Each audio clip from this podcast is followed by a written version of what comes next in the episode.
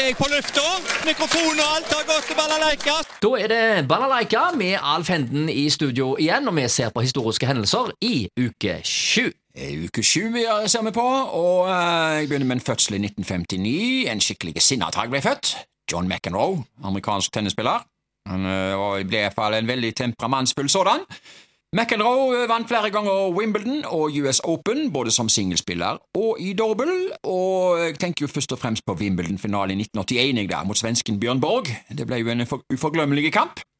McEnroe vant og satte en stopper for Borgs eh, seiersrekke i den turneringen der. Det det husker jeg veldig godt, og på vet, Alsete tennis på den tida ble på NRK kommentert av en med navn Finn Søhol. Det er vel ikke en smash han ikke så på 30 år omtrent, Nei. kan jeg tenke meg. og iallfall denne kampen her husker jeg han kommenterte. Ja. Eh, John McEnroe, altså, født i 1959. Født i 1990. Abel Makkonen Tesfaye. Ingen som vet hvem det er, sikkert, men hvis jeg sier The Weekend, The Weekend, ja. ja, da ringer det noen bjeller. En kanadisk rytmen bluesartist, og hans kanskje største suksess så langt er Starboy fra 2016. Hendelser internasjonalt. Eh, 1959. Fidel Castro blir cubansk statsleder etter president Batista, da, som var avsatt. Og Castro han uh, overlevde vel hvor mange var det, ti eller tolv amerikanske presidenter? Det var et eller annet sånt. ja, ja. Ja. Eh, så skal vi slå sammen uh, to årstall her. 16. februar 1992 og 1994. Eh, 1992 vant Johan Olav Koss OL-gull på 1500 meter skøyter.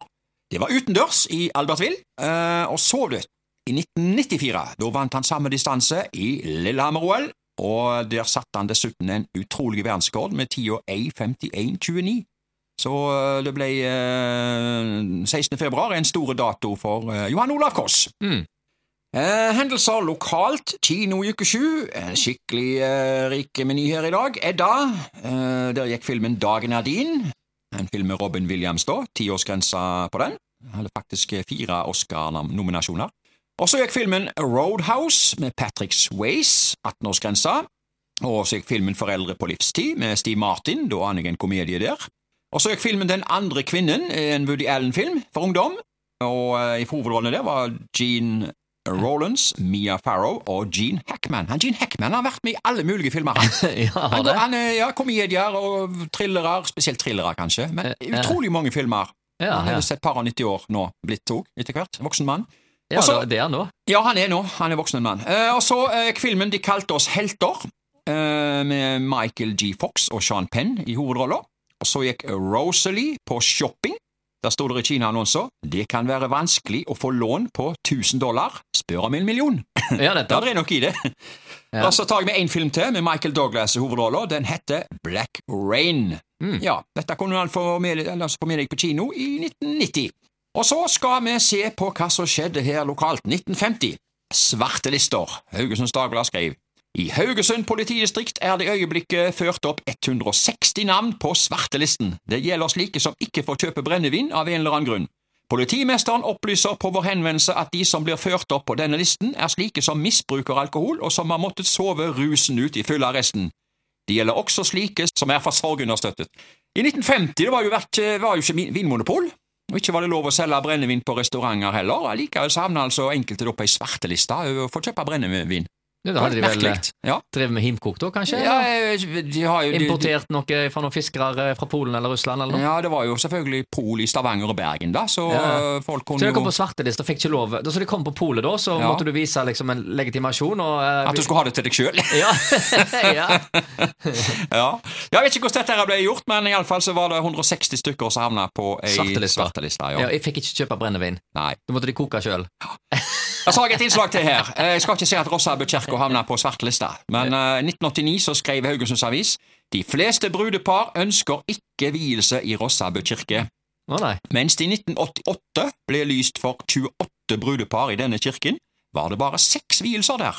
De fleste vil nok vies i Vår Frelsers kirke. I fjor ble det lyst for 23 brudepar i Vår Frelsers kirke, mens det ble viet 72 brudepar der. Vi kan ikke se bort fra at arkitekturen er et vesentlig moment i dette, sier sogneprest Per Nordbø i Rossabø kirke. Ja, altså Rossabø kirke den ble innvia i 1972, eh, og så jo veldig spesiell ut til kirka å være. Eh, veldig spesielt utseende, og i 2019 så kom den i rampelyset igjen i form av en kåring, du. Rossabø kirke var Norges nest styggeste I verden. ja, i Norge. Eh, nummer én i den kåringen, altså Norges aller styggeste, det var Østre Porsgrunn kirke. Ja. Uh, Rossabø kom på en annen plass. Jeg vet Ja. ikke, Er sølv nederlag her, eller um, kunne de Ja. gjerne tenkt seg å komme lenger ned på lista, faktisk? Ja, så det er spesielle kirker har særpreg. Uh, Jeg syns ikke de er så stygge. jeg. Jeg Nei, det er jo utvendig vi snakker om her, da. Ja, ja, Ja. og inn, inni så er den fantastisk. Ja, ja, ja, ja, ja. Og så er litt av grunnen til at det bygger sånt, er på grunn av akustikken. Ja. Så når de har uh, dyktige organister der inne, så er det en fantastisk lyd, altså. En opplevelse uh, å, å være der. Men hvorfor var det så få som ville vie seg der, da? Eh, Meldt seg på til vielser. Altså, jeg tror jo at Hvis du kan velge, så, så er det liksom andre kjerker som er mer attraktive. Så det Ja. er vel sikkert derfor. da Altså at eh, altså Avaldsneskirka er det jo mange som liker, og så har du jo selvfølgelig det, Vår Frelsers i sentrum Ja. av Haugesund, som er fantastisk. Ja. Så det er flere sånne Altså det er rett og slett andre kjerker som er mer populære. Eh, Sånn er det jo. Ja. Så er vinkler den veien. Uh, Og så tror jeg også det er noe med det at eh, eh, dette med å gifte seg er noe som har mye tradisjoner i seg. Ja. Og det er ikke ei sånn typisk tradisjonskirke, eh, Det er mer sånn nymotes, eh, litt eh, sånt uh, moderne. Og der er folk forskjellige, og da er det sikkert flere som eh, trekker til det tradisjonelle, i min teori. ja.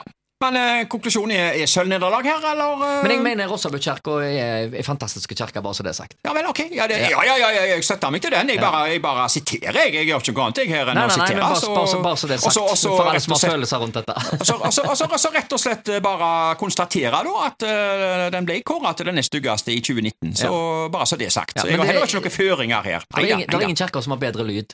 Ok, Sånn at det, det, Hvis de hadde, hadde lagt en egen kåring på det, så hadde Rossabøkirka Haugesund vunnet. ja, men nå er jeg spent på hva du skal spørre om. Det er bare én ting å spørre om. Ja. Rossabøkirka! Ja, nå må vi fyre opp her! Det må vi, er så, vi er jo så patriotiske at vi sier hot! hot.